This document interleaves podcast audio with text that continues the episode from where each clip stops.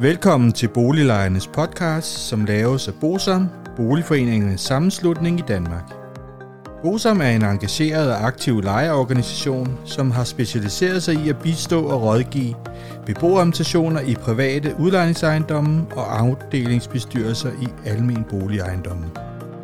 Formålet med Boliglejernes podcast er at informere lejerne om nogle af de problemstillinger, som vi ved, at mange lejere ofte spørger om samt at give mulighed for, at nogle aktuelle problemstillinger bliver belyst ud fra et lejerperspektiv. Boliglejernes podcast er lavet af lejere til lejere.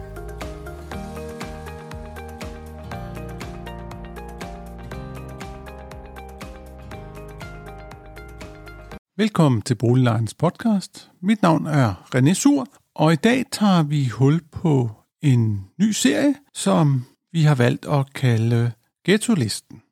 Anledningen for, at vi tager hul på den serie, det er jo, at i dag, 1. december 2022, hvor vi indspiller dette afsnit af podcasten, der udkom Ghetto-listen for 2022.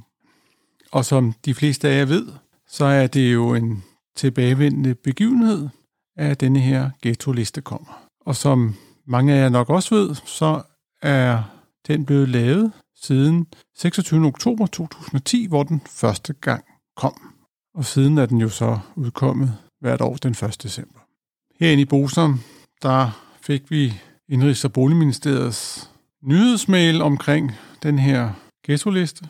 Lidt i 10 her i dag, men selvom den ikke hedder en ghetto-liste mere, men hedder en liste over udsatte boligområder, parallelsamfund og omdannelsesområder, så kalder vi den stadig ghetto-listen her i Bosom. Og grunden til, at vi gør det, det er jo fordi, at den her liste, den, den er jo grundlag for, at man tvinger folk ud af deres hjem.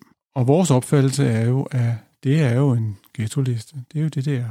Så derfor synes vi, at det passer bedre med det, som er formålet med listen. Det er sådan set, at man kan omdanne en masse boliger og drive folk væk fra deres hjem. I den nye ghetto-liste, som jo som sagt er opdelt i udsatte boligområder, parallelsamfund, omdannelsesområder og såkaldte forebyggelsesområder. Det kom til sidste år.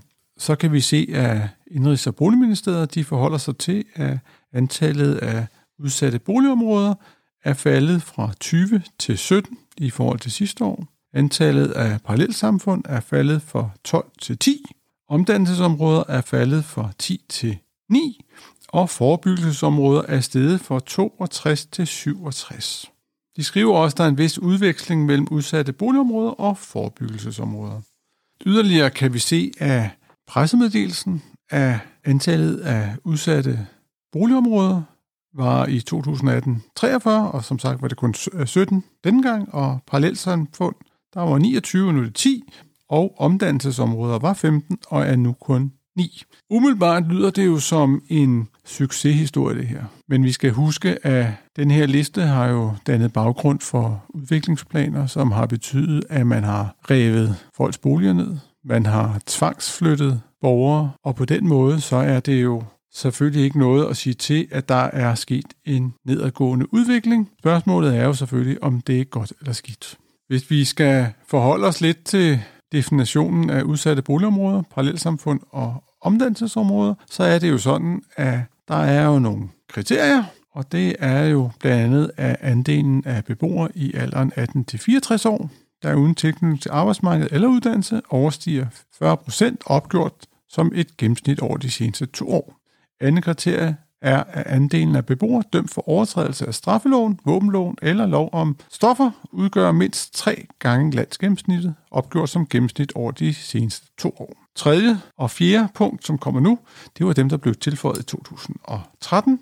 Det er, at andelen af beboere i alderen 30-59 år, der alene har en grunduddannelse, overstiger 60% af samtlige beboere i samme aldersgruppe. Og 4. Den gennemsnitlige bruttoindkomst for skattepligtige i alderen 15-64 år i området, eksklusiv uddannelsessøgende, er mindre end 55% af den gennemsnitlige bruttoindkomst for samme gruppe i regionen. Hvis vi så skal se på, hvad man mener med et parallelsamfund, så er der et femte kriterie, der hedder, ved et parallelsamfund forstås et almindeligt boligområde, hvor der bor mindst 1000 beboere, og hvor minimum to af kriterierne vedrørende tilknytning til arbejdsmarkedet, kriminalitetsniveau samt uddannelse og indkomstniveau er opfyldt, og hvor andelen af indvandrere efterkommer fra ikke-vestlige lande overstiger 50 procent.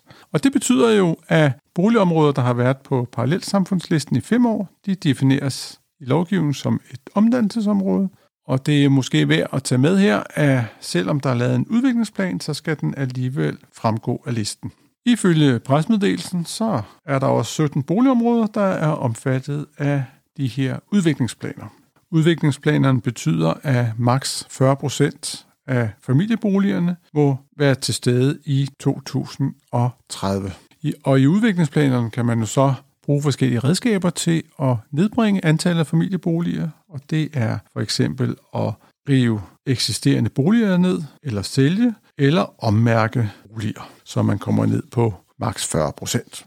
Den nye kategori, som der var stigning i, altså fra 62 til 67, det var jo forebyggelsesområder, og den er selvfølgelig værd at hæfte sig lidt med, fordi hvad er det for noget? Det er noget forholdsvis nyt, og det er simpelthen en kategori, hvor man siger, at der er behov for en forebyggende indsats. Og igen, så er det jo almene boligområder med mindst 1000 beboere, hvor andelen af indvandrere efterkommer fra ikke-vestlige lande overstiger 30 procent, og hvor mindst to af følgende fire kriterier er opfyldt. Og de kriterier, det er dem, vi kender fra ghetto-listen, som jeg havde før. Så læg mærke til, når vi snakker forebyggelsesområder, så er andelen af indvandrere efterkommere fra ikke-vestlige lande 30 procent, og når vi snakker parallelsamfund, så er den 50 procent. I begge tilfælde, så skal der indføres fleksibel udlejning med fortrinsret til boligsøgende i uddannelse og beskæftigelse, og der indføres også en stramning af den kommunale anvisning, og der vil også være mulighed for